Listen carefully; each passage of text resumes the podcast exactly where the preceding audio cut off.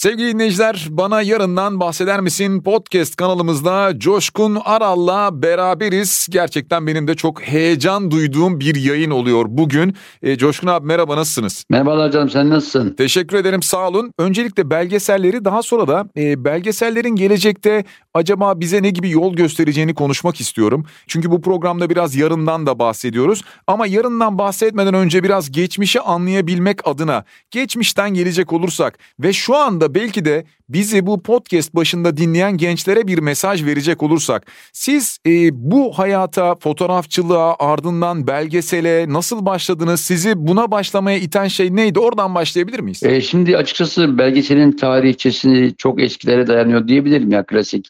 Mağaralarda bundan on binlerce yıl önce bize mesaj bırakan o av sahnelerini çöp adamların bir e, antilopu veya bir vahşi hayvanı avlama anını bize aktaranlar da bir belgesel yapmış. Belgeselciler diyebileceğim insanlar.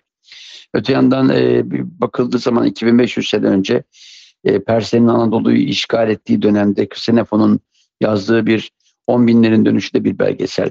Tabii ki belgesel dediğimiz zaman bizim Türkiye'de nedense hatta entelektüel olduğunu iddia eden kesim bile işte klasik e, BBC tarzı dediğimiz hmm. e, vahşi doğada e, safarilerde bir aslanın bir antilopu ko- kovalamasını belgesel diye yıllarca tanıttı ve tanımladı. evet. Ama dediğim gibi belgesel dediğimiz her alanda bizden öncekilerin bize bıraktıkları, bizim bizden sonrakileri bırakacağımız belgeli bilgi. Aktarım biçimi tabii ki değişiyor teknolojiye göre. Dedim ya bundan aşağı yukarı 60 bin yıl önce veya 400 bin yıl önce yani bizim Yarımburgaz mağarasında çok ciddi bir belgesel var. Taş devri insanları hı hı. bize o mağara duvarına e, buldukları tebeşir taşıyla bazı simgeler yapmışlar. O bir belgesel. İşte Fransa'da bazı mağaralarda müthiş renklerle inanılmaz av sahneleri var bir belgesel. E, dediğim gibi yazılmış tarihler, işte anılar, ki, kitaplar hepsi birer belgesel. Tabii ki anlatıcı e, kurmaca yapabildiği gibi birebir anlatıcı özelliğiyle objektif olmasa bile doğruya veya gördüklerini bulunduğu yerden e, biraz da yorum katarak yaptığında çalışma belgesele dönüşebiliyor. Tabii belgeselle kurmaca veya işte o dönemin tanıklıklarını birilerinin istediği veya duymak istediği biçimde aktaranlar biz belgeselci demiyoruz. Hmm. O yüzden yani belgeselle methiye, belgeselle e, anı yazı yazmak e, arasında fark var. Biri kurmacadır. İçin içine yazan kişinin birilerine yaranma sevdası öyle bir anlayış vardır. Bir hmm. diğerinde de e, görmüş olduğu, tanık olduğu olayı aktarmak. Bu ne zamandan itibaren daha somutlaştı diye sorarsak fotoğraf makinesinin e, keşfi yani 1837'lerde işte ilk o zamanlar Paris'te bir lansman yapıldı. E, fikir babası e, Leonardo'dan da öncelere dayanıyor. Yani 10. yüzyılda e, El Heysem diye bir adam e, bir e, kocaman bir kutu inşa edip o kutunun içinde de açtığı bir delikle bir görüntüyü yansıtıyor ama o görüntü bir şeyin üzerine düşüyor ama o düştüğü şeyde kalmıyor. İşte bunu fizikle kimyayı bir araya getiren bilim adamları 800 e, yıl sonra e, gerçekleştiriyorlar.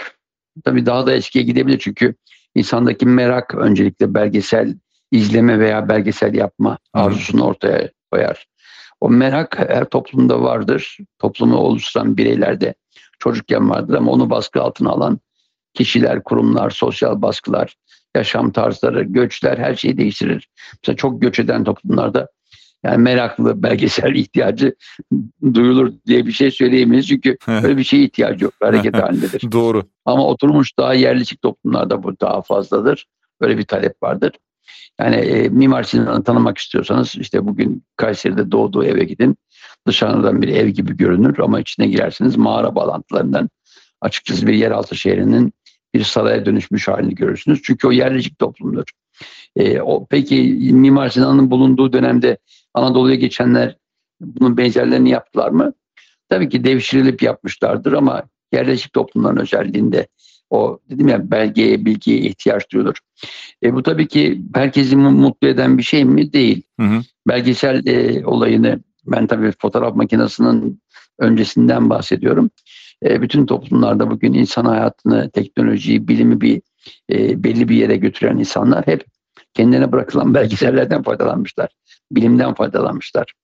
E, ama bunu e, kendilerine ileride rahatsızlık çıkarma korkusu işte insanları o bilgiyi belgeye aktaranlara yönelik hep tedirgin etmiştir. Bu tarih boyunca vardır. İşte fotoğraf makinesinin keşfiyle fotoğrafla yapılan belgeselleri çok sık görmeye başladık.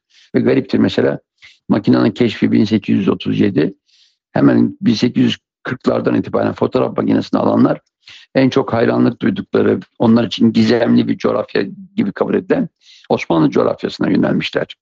Mesela buralarda çok güzel fotoğraflar çekmişler. E, Osmanlı sultanlarında Sultan Abdülhamit ise başta olmak üzere ciddi böyle belgesel fotoğraf çalışmaları yapmış. Bu buna ilişkin kitaplar bulunabilir. Ama sinematografi yani hareketli e, filme dönüştüğünde fotoğraflar yani 25 karenin bir saniye e, görüntüye dönüştüğü andan itibaren biz sinemada belgesel görüyoruz. E, hareketli görüntüyle belgesel görüyoruz. İlkinin böyle dünyada ilk yapılanları işte hep savaş bölgelerinde olan şeyler.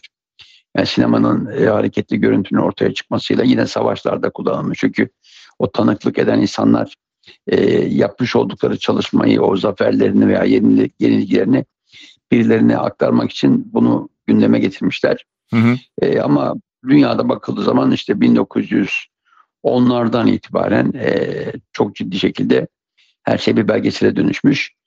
Bizim Türkiye'de bir e, işte bir belgesel var deniyor ama hiçbir zaman izini bulamadık. Ayastofonos an, e, hmm. anıtının yıkılması olayı diye geçer. İşte 1915'lerde bahsedilen o yoktur. Yani bulunamamıştır. Ama tabii ki 1923'ten itibaren e, Sovyetler Birliği ile bizim 1920'den başlayan o Kurtuluş Savaşı'mızdaki destekle beraber e, onlardan gelen sinemacılar e, çok ciddi şekilde belgesel çalışmışlar ve bunların en doruktaki hali e, Türkiye'nin başkenti e, Ankara diye bir, bir şey var. Belgesel var. Bugün Cumhurbaşkanlığı'nda bulabilir. Hani Sovyet sinemacılarının yapmış olduğu bir kurmaca belgesel diyelim. O dönemin Türkiye'sini anlatan e, meşhur e, Sovyet sinemacılarının e, destekleri, destekleriyle yapılan bir çalışma. E, bunun tarihçesi bu. Benim bunun içinde yer alma öyküm e, meraklı doğmuş, doğmuşum. Siirt'te doğmuşum. E, 4,5-5 yaşıma kadar çok sağlıksız her an gitti gidecek bir anlayışla hayata e, bakmışım. E, veyahut hayatta kalmaya savaşmışım. E, tıbbın pek uğramadığı bir coğrafya. E, hükümet tabipliği var ama doktor olmayan ilk doktor da benim dayım o da 60'lardan sonra ancak gelebiliyor. E, benden önceki kardeşlerim böyle yokluk içinde, varlık varlık içinde, yokluk içinde bakımsızlıktan ölünce ailede tam böyle şey siyaset mağduru bir aile. Çok varlıklıyken bir anda her şeyini kaybeden. E, adım hatta benim aile içinde Ali'dir. E, hayatta kalmam için bir yatıra, Şeyh Ali Gersi diye bir yatıra, Siirt civarında bir evliya diye tanımlanan bir adamın yatırına bir adakta bulunuyor ailem.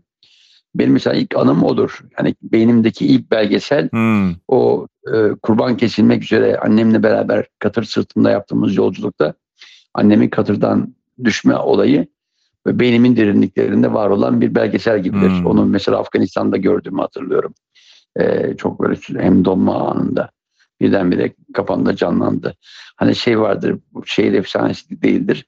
İnsanlar böyle ölüme ramak kala bir takım hayatlarının önemli enstantanelerini saniyelerle belirlenen enstantane bir film gibi görürler derler. Ben de bu oldu. Yani dejavu denir buna. E, onu hatırlıyorum mesela annemin e, o atın üzerinden düşmesi, ayağının bayağı ciddi şekilde kırması, onun e, ayağının tedavi edilme anı dahil. Bunları e, ilk hayatımda izlediğim belgesel diyebilirim. Peki yani e, sizi harekete geçiren şey anladığım kadarıyla genel olarak bir meraktı. Zaten belgesel e, evet belgeselin temeli insanın meraklı olması, sorgulaması bir de. E, daha sonra bu sizi biraz tarihe e, belge bırakmak yönünde mi geliştirdi? Bu yöne doğru mu itti? Şimdi şimdi şöyle bir olay tabii ki yani kendi durumumdan yola çıkarsam eğer ben niye bu hale geldim, ailem niye böyle oldu diye araştıra araştıra bütün bunların neden sonuçlarını e, sorguluyorsunuz. E, yaşadığınız coğrafyadan bir başka coğrafyaya e, ard arda yaptığınız yolculuklar yani başka yerlerde bunlar yok. Burada niye varlara getiriyor? Yine bir gazeteciliğin klasik sorusu hmm. işte beşine bir K dediğimiz olaya.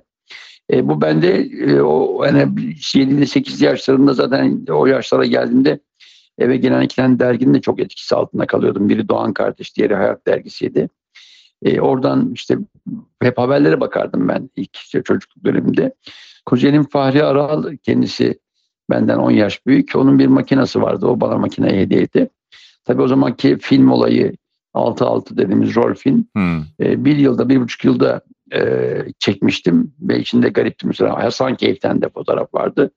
Kemal Paşa'da bugün var mı yok bilmiyorum. Bir kaleden fotoğraf vardı İzmir Kemal Paşa'dan. Çünkü hmm. akrabalarımız vardı onlara giderken gelirken.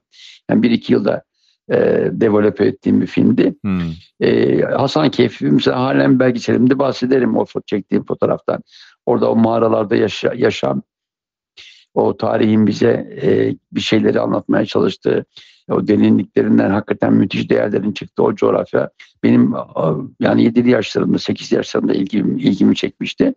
İşte o belgesel yapma merakı ihtiyaçtan kaynaklanıyor. Çünkü e, yani insan insan yapan diğer canlılardan ayırt eden özelliklerinden biridir meraklı olması. Yani içgüdülerimizin ötesine geçiriyor bizim meraklı olmak, sorgulama özelliğimiz.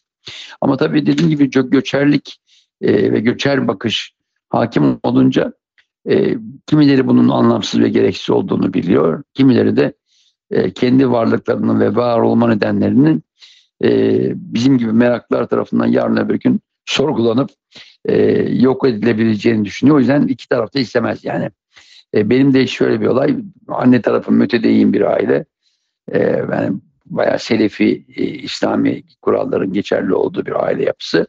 Baba tarafım da e, şey e, CHP'li yani kuruluşundan itibaren e, partiyle çalışan ilk un fabrikasını Siirt'te kuran ve bu yüzden işte Menderes döneminde ardından Süleyman Demirel döneminde cezalandırılmış bir aile, varlıklı bir aile. E, arasında kalınca çok soru soruyorsunuz. Bir de başka yerlere, başka illere gittiğinizde sorular artıyor. Yani ötekileşmenin ne olduğunu görüyorsunuz, fark ediyorsunuz. Niye buçun, niye bunlar böyle yapılıyor, niye böyle davranılıyor derken e, 68 rüzgarı size direkt olarak o şey ve yüzünüzde hissettiriyor. E, baskının ne olduğunu, gözaltına alınma, tutuklanma, hapse atılma. E, çünkü kuzenlerimin büyük bölümü o Güneydoğu coğrafyasından geldiği için e, birebir e, ön yargılı işte bir defa sadece doğum yerinden ötürü ön yargılı e, bir takım şey olaylarla e, karşı karşıya kalıyorlar ve ben İstanbul'da o zamanlar lise öğrencisiyim. E, biraz daha eşelediğim zaman ben de bundan ötürü birkaç kez işte e, gözaltına alınıyorum ama e, kafamda gazeteci olmak, işte belgeselci gazeteci olmak diyelim. O zaman var. Kendime e, Siirt'te staj diyemeyeceğim. Çıraklık yaptım. Yani yere düşen harfleri işte bulundukları o e, ortamdan, talaşlı ortamdan alıp temizleyip kutularına yerleştirme görevimdi benim o zamanlar matbaadaki görevim. Mücadele Gazetesi. Oradaki o gazeteciliğimde ilk yaptığım şey kendime bir e, basın tanıtım kartı basmaktı. Hmm. Mücadele Gazetesi diye. Ve onunla İstanbul'da mahkemeler dahil e, bir sürü yere gidip izliyordum birinci elden. Hangi seneler bu seneler Coşkun abi bahsettiğiniz yıllar? 70 71'de başladı bu olay. Hmm. Tam 12 Mart dönemi. 73'e kadar devam etti o kartlar çalışmam. E, hatta Boğaz Köprüsü'nün açılışına bile gitmiştim. Hatta Denike isminde bir Amerikalı'nın fotoğraflarını çekip hmm. kendimce işte dört tane kelimeyle İngilizce röportaj yapmıştım. e, işte liseden kovuldum bu olaylardan ötürü. Pertemin Yer Lisesi'nden. Mecidiyeköy'den mezun oldum. Ama kafamda tıp okumakta vardı. Nedense işte idolüm, idollerimden biri cerrah olan dayımdı. Yani Şiirdin ilk e, hükmet tabibi olarak gelen hakikaten böyle yaşam tarzı, mesleğe bakışıyla bana gerçekten böyle örnek olmuş bir insan. Tıbbı başaramadım. O zamanlar Türkiye'deki gazetecilik okullarını falan o kadar iyi değildi. Fotoğrafla ilgisi olan okul da yoktu. E, bir tek Mimar Sinan'da işte belirli evet. E, dersleri vardı fotoğrafçılığın. Hani 70'ler Türkiye'sinde. Üniversite e, puanlama sistemi beni işletmeye götürdü. Hiç anlamadığım bir okulda 4 sene öğrencilik misyonunu yaptım. Sonra zaten kovuldum okuldan. E işte iki yıllık bir yabancı diller yüksek okulunu bitirdim. Zaten o tarihte de Fransa'ya yerleşmiştim. İşte yapmış olduğum klasik röportajlar benim. Herkes tarafından bilinen kaçırılan uçakta bulunmam. İşte o öyle bir şey tanık olup onun e, fotoğraflarıyla bir belgesel yapmam. Bir uçak nasıl kaçırılır? Hı hı. E, ardından işte Türkiye'de arşivin ne kadar olduğunu, e, ne kadar önemli olduğunu anlatan işte 1980-12 Eylül'e gelen süreç içinde her alanda çektiğim fotoğraflar onlar da beni dünyada tanıttı. E, bir de ne diyeyim Polonya'ya gidip işte e, Gdansk'ta Lech Walesa'yı tanımadan o Gdansk tersanajda yaşanan e, o yaşanan meşhur e, o e, ilk Sovyetler Birliği'nde dağılmasına da yol hmm, açacak hmm, hmm. E, Gdansk grevinin grevinin başlangıcına tanık olmak. Bütün bunlar hep kafamda eğer iyi bir makinem bir dedim bugünkü telefonum olmuş olsaydı birer belgesele dönüşebilirdi. Ben bunları çok sınırlı fotoğraflarla fotoğraf belgesel olarak yaptım. Ama yani kafamda olan bulunduğum yerde yaşadıklarımı tanık olup o tanıklık içinde göz tanıklığına dönüştürmek ve kesitleri bir şekilde aktarmak. Ee, tabii yüzde yüz belgesel oluyor mu? tabii ki çok tartışılır, çok sorgulanır. Coşkun abi şimdi şunu soracağım size ama yani aslında kaç ülkede bulundunuz diyeceğim ama muhtemelen e, birçok ülkede bulunmuşsunuzdur. Bilmiyorum böyle bir sayı tuttunuz mu? Birincisi bu. ikincisi Coşkun Aralı bulunca insan sormak istiyor bunu. Gitmeyi istediğiniz ama henüz gidemediğiniz bir ülke var mı veya bir şehir var mı? Şimdi e, 4 sene öncesine kadar öyle iki ülke Kuzey Kore'ydi. Ama e, hmm. Tanrı beni duydu. E, bir yılda iki kere gitme e, mutluluğuna ulaştım Kuzey Kore ilişkin. Gerçi turistik bir geziydi. Hmm. İki geziydi hatta. Ama şimdi gidemediğim Afrika'da iki tane ülke kaldı. E, bunlar işte Gabon ve Kamerun diye iki tane ülke. E, Avrupa'da böyle Liechtenstein diye bir ülke var yani hiç gitmedim. Açıkçası söyleyeyim gitmem gerekir mi? Küçük devletçikler bunlar. evet. Bir de bugün Polonezya'da e, küçük ada devletçikler var. Yani işte hmm. Vanuatu, Tuvalu, böyle e, Markiz Adaları işte kime ait olduğu belli olmayan ada devletçikleri falan. Onlara gitmedim ama ayak basmadığım kutuplar dışında başka coğrafya kalmadı. Kalmadı değil mi? Peki Türkiye'yi hariç tutarak bir şey soracağım. Bunlardan hangisinden çok etkilendiniz? Hani yaşayacak olsam e, burada yaşarım diyeceğiniz bir ülke var mı? Ya şimdi yaşama bakıyorsunuz. Mesela şu anda yaş oldu 65 bir sürü e, fiziksel e, yorgunluğu bedenim hissettiği gibi dizlerimi daha iyi yapmak için bir ameliyat geçirdim ama hmm. daha kötü oldu. Hmm. Yani yürüyemiyorum. Çok zor yürüyorum. Merdiven inme çıkma, yokuş inme çıkmayı neredeyse yapamıyor gibiyim. E, bu halimle pek o kadar iştahlı değilim. Çünkü e, belgeselciliğin bir e, başka özelliği Türkiye'de ne kadar uygulanır. Ben çünkü olaya böyle Türkiye'de böyle milli olarak e, bakmıyorum bu mesleğe. Bu meslek evrensel bir meslektir. Tabii. İşte isterseniz Tuvalulu olun, ister Vanuatulu. E, kavramlar bellidir. İşte bu olayda hedefiniz bellidir.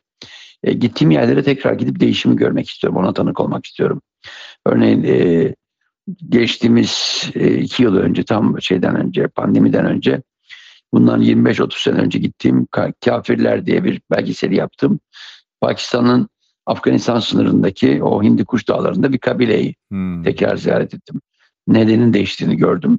Çok da mutlu oldum. Eğer imkanlarım hem maddi hem de fiziksel imkanlarım olmuş olsa o değişimin e, tanığı olmak isterim tekrar. Çünkü o sizin update etmeniz önemli. Mesela benim bitmemiş belgesellerim var. Ne diyeyim? E, şeyde Sur e, patlak verdiğimde gittim çekmeye. Hı hı. Ama halen bitirmedim.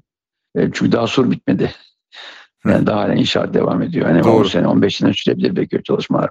İşte bunları biraz bizden sonraki çünkü dünyada bugün baktığınız zaman e, salt fotoğrafik çalışmalar, fotoğraflı belgeseller, görsel malzemeler değil. E, dönem olarak dönemleri çok iyi anlatan e, kitaplar var. Yani demin bahsettim belki işte on binlerin dönüşü. Hı hı. E, bunun gibi yüzlerce binlerce kitap var. Ana coğrafyalar üzerine değişimleri aktaran insanlar üzerinde yani fotoğraflı veya fotoğrafsız. E, baktığınız zaman mesela e, romanlarda da bu var. Evet bazı şeyler kurmaca olabiliyor ama e, böyle müthiş kitaplar vardır demiş. Bir Şevket Süreyya Aydemir'in Suyu Arayan Adamına içine girin veya Nazım'ın memleketinden İhsan Mazar'dan içinde yolculuk yapın.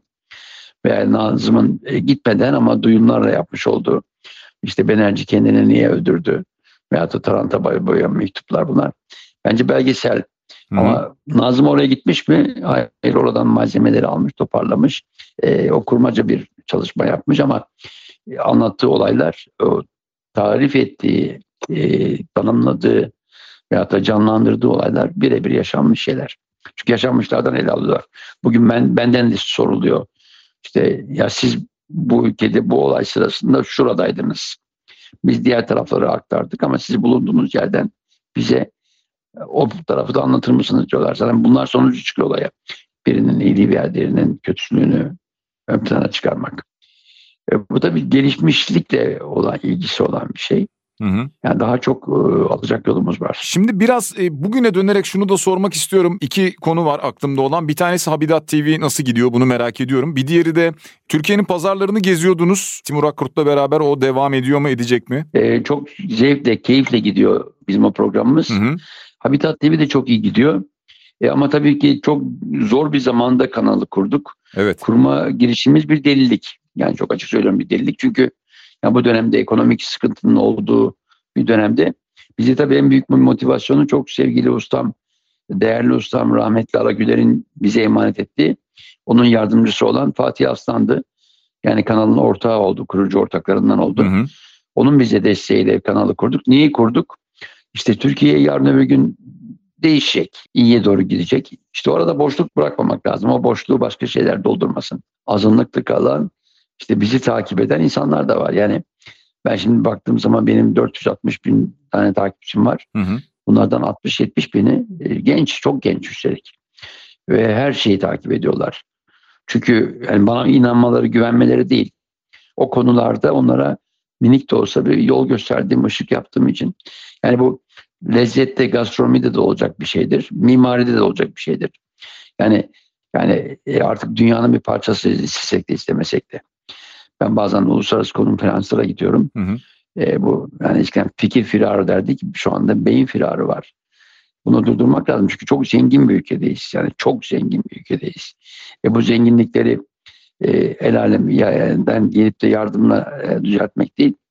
Kendi e, bireysel çıkışlarımızda, biraz Don Kişotluğumuzda e, güzel insanların kendi sinerjilerini bir araya getirip bir şeyler yapmasıyla olur. İşte Habitat'ı o yüzden kurduk. Coşkun abi şunu soracağım size. Şimdi takipçileriniz arasında gençler olduğunu da söylediniz. Bir zamanlar seneler önce yani biz tabii ki bir belgeselci olarak değil ama bir belgesel çekmek niyetiyle yola çıkmış gençlerdik yıllar önce ama e, şunu soracağım. O dönem karşımıza o kadar çok zorluk çıktı ki yani kanalların bunu yayınlaması, bunlara sponsor bulabilmek, bunlara izleyici bulabilmek Böyle bu başlangıçta bulunan gençlere, yolun başında bulunan gençlere sizin tavsiyeniz, öneriniz ne olur? Eski programları seyrettiğim zaman görüyorum ki bizler altın çağda yaşamışız. Şu anda daha da kötü. Hiçbir şey yok. Ama ulusal değil, yerel değil, evrensel bir takım temalar bulursalar uluslararası alanda çok destek var. Onu söyleyeyim size. Yani ulusaldan çıkacaklar. Yereli bir şekilde yani tabii ki önemli olan mesajı doğru mesajı doğru yerlere vermek ama e, bu sunumunuzla aktarımınızla e, yaratacağınız ne diyeyim algıyla sonuçta belgeselde de e, bir lezzet katmak için bir takım birikimleri bir araya getirmek lazım bu. Yani salt görsellik değil işte sesiyle, müziğiyle, e, bunun dediğim heyecanıyla, dozlarıyla, hedef kitlenin iyi belirlenmesiyle dünyada destekler var. Biz bunu e, o zamanlar Türkiye'de yaşayamadık. Çok zor yaşadık. Peki son olarak şunu soracağım. Şimdi dinleyicilerimiz derler ki niye sormadın? O nedenle soruyorum bunu. Muhakkak o kadar çok zorlu seyahatler yaptınız ki hatta e, tehlikeli yolculuklarınız oldu, seyahatleriniz oldu. Bunlar içerisinde size en çok ürküteni hangisiydi o tehlikeli yolculuklar içerisinde? Bunu öğrenebilir miyiz sizden? Valla şimdi e, böyle insan kafasının gözümün önünde kesildiği yer e, yani asılmaya, vurulmaya, anın e, vurulma anına tanık olduğum gibi fotoğrafları çektim. Hmm. Yani kurşunla vurulmalar, roketle hmm. vurulmalar, parçalanmalar. Ama canlı bir e, bedenin karşımda e, parçalanmasına Liberya'da tanık oldum. Bir de e, birkaç kişi ve üstelik bizim varlığımızdan rahatsız olmanı bırakın. Sanki çekmemizden mutlu olan insanlar vardı. Bu hmm. şiddetin pornografisi dediğimiz bir alandır. Psikolojide bunu psikologlar iyi bilirler, bilim adamları. Yani insan bir yerden sonra yapmış olduğu vahşetin e, başkaları tarafından izlenmesini ister. Hmm. Ee, bizi orada araç gibi görmek isteyen insanlar içinde bulunduğumuz durum çok zordu. Ee, burada bir bedenden ciğeri sökülüp yemeğe gidenler e, ve bizi çağırdılar. Yani gelin yemeğe diye. Yani bu olaya tanık olmak daha ötesini nasıl bilmiyorum. Ama e, yani yıkım, bomba, kucağımda taşıdığım, kurtarmak için aldığım bir bebek e, o mayın tarlasında roketler, havan topları patlarken e, ailesinin bir ferdine götürmek üzere aldım. Yani annesi bana teslim etti. Annesinin bunu taşıyan araba annesiyle beraber içindeki onlarca insan tarafından şey, onlarca insanla beraber havaya uçtu. Annesi gitti. E, dedesine ben teslim etmem gerekiyordu bebeği. Dedesine ver, götürdüğümde de çocuğun boynundan bir şarapnel parçasıyla e, hmm. yaralandığını ve hayatını kaybettiğini gördüm. Yani böyle çok anlarım var. Ama çok fazla bunlar. Belgeselcilik sizce yani dünyada tabii e, muhakkak değerlendireceksinizdir ama Türkiye'de nasıl gidiyor? E, iyiye doğru bir gidiş var mı? Geçmişe göre bir değerlendirme yapabiliyor musunuz? Çok iyi belgeseller yapılıyor. Yani dediğim gibi yurt dışı destekli fonlarla çok çok güzel belgeseller yapılıyor. E, ve çok iyi arkadaşlarım var. Bu işi bizden daha iyi yapanlar var. E, yapmaları da gerekiyor. Tabii konu bulmaları gerekiyor. O yüzden yani bana fırsat verirse değil, biraz öncelikle iyi gözlemci olmaları, merak etmeleri, sorgulamaları gerekir. Bir konuyu ele almaktan ziyade önce onun e, ele alındıktan sonra çok iyi planlamasını yapıp izleyiciye nasıl anlatırım e, derdine girmesi lazım arkadaşların. Burada tabii ki kameranın arkasındaki e, kameraman arkadaşımın da bunu kurgulayacak kurgucunun da bunu sesiyle güçlendirecek, müziğiyle destekleyecek arkadaşların da ve metin yazarının da ışıkçının da hepsinin ayrı bir rolü var. Bu kadar geniş kadrolarla çalışamadık biz. Yani iki kişi topu topu yapıyorduk. Ama bunun tabii evrensel yapılmasında maliyetler arttığı için ve dünyada bu maliyetlerle belgesel yaptığı için bizde e, çok az sayıda belgesel bu e, bütçelere ulaşmıştır. Hı hı. Biz biraz daha gerilla usulü yapıyorduk. Eksiğimiz olmuştur. Hatamız olmuştur. Yanlışlarımız tabii ki olmuştur ama yeni kuşağın bunlardan e, sıyrılıp daha evrensel kalitede iş yapmaları için dedim ya dünya onları bekliyor diyorum. O kadar. Sevgili dinleyiciler konuğumuz e, Coşkun Aral'dı. E, çok teşekkür ediyoruz sağ olun. Ben teşekkür ediyorum. Görüşmek üzere diyorum. Kolay gelsin.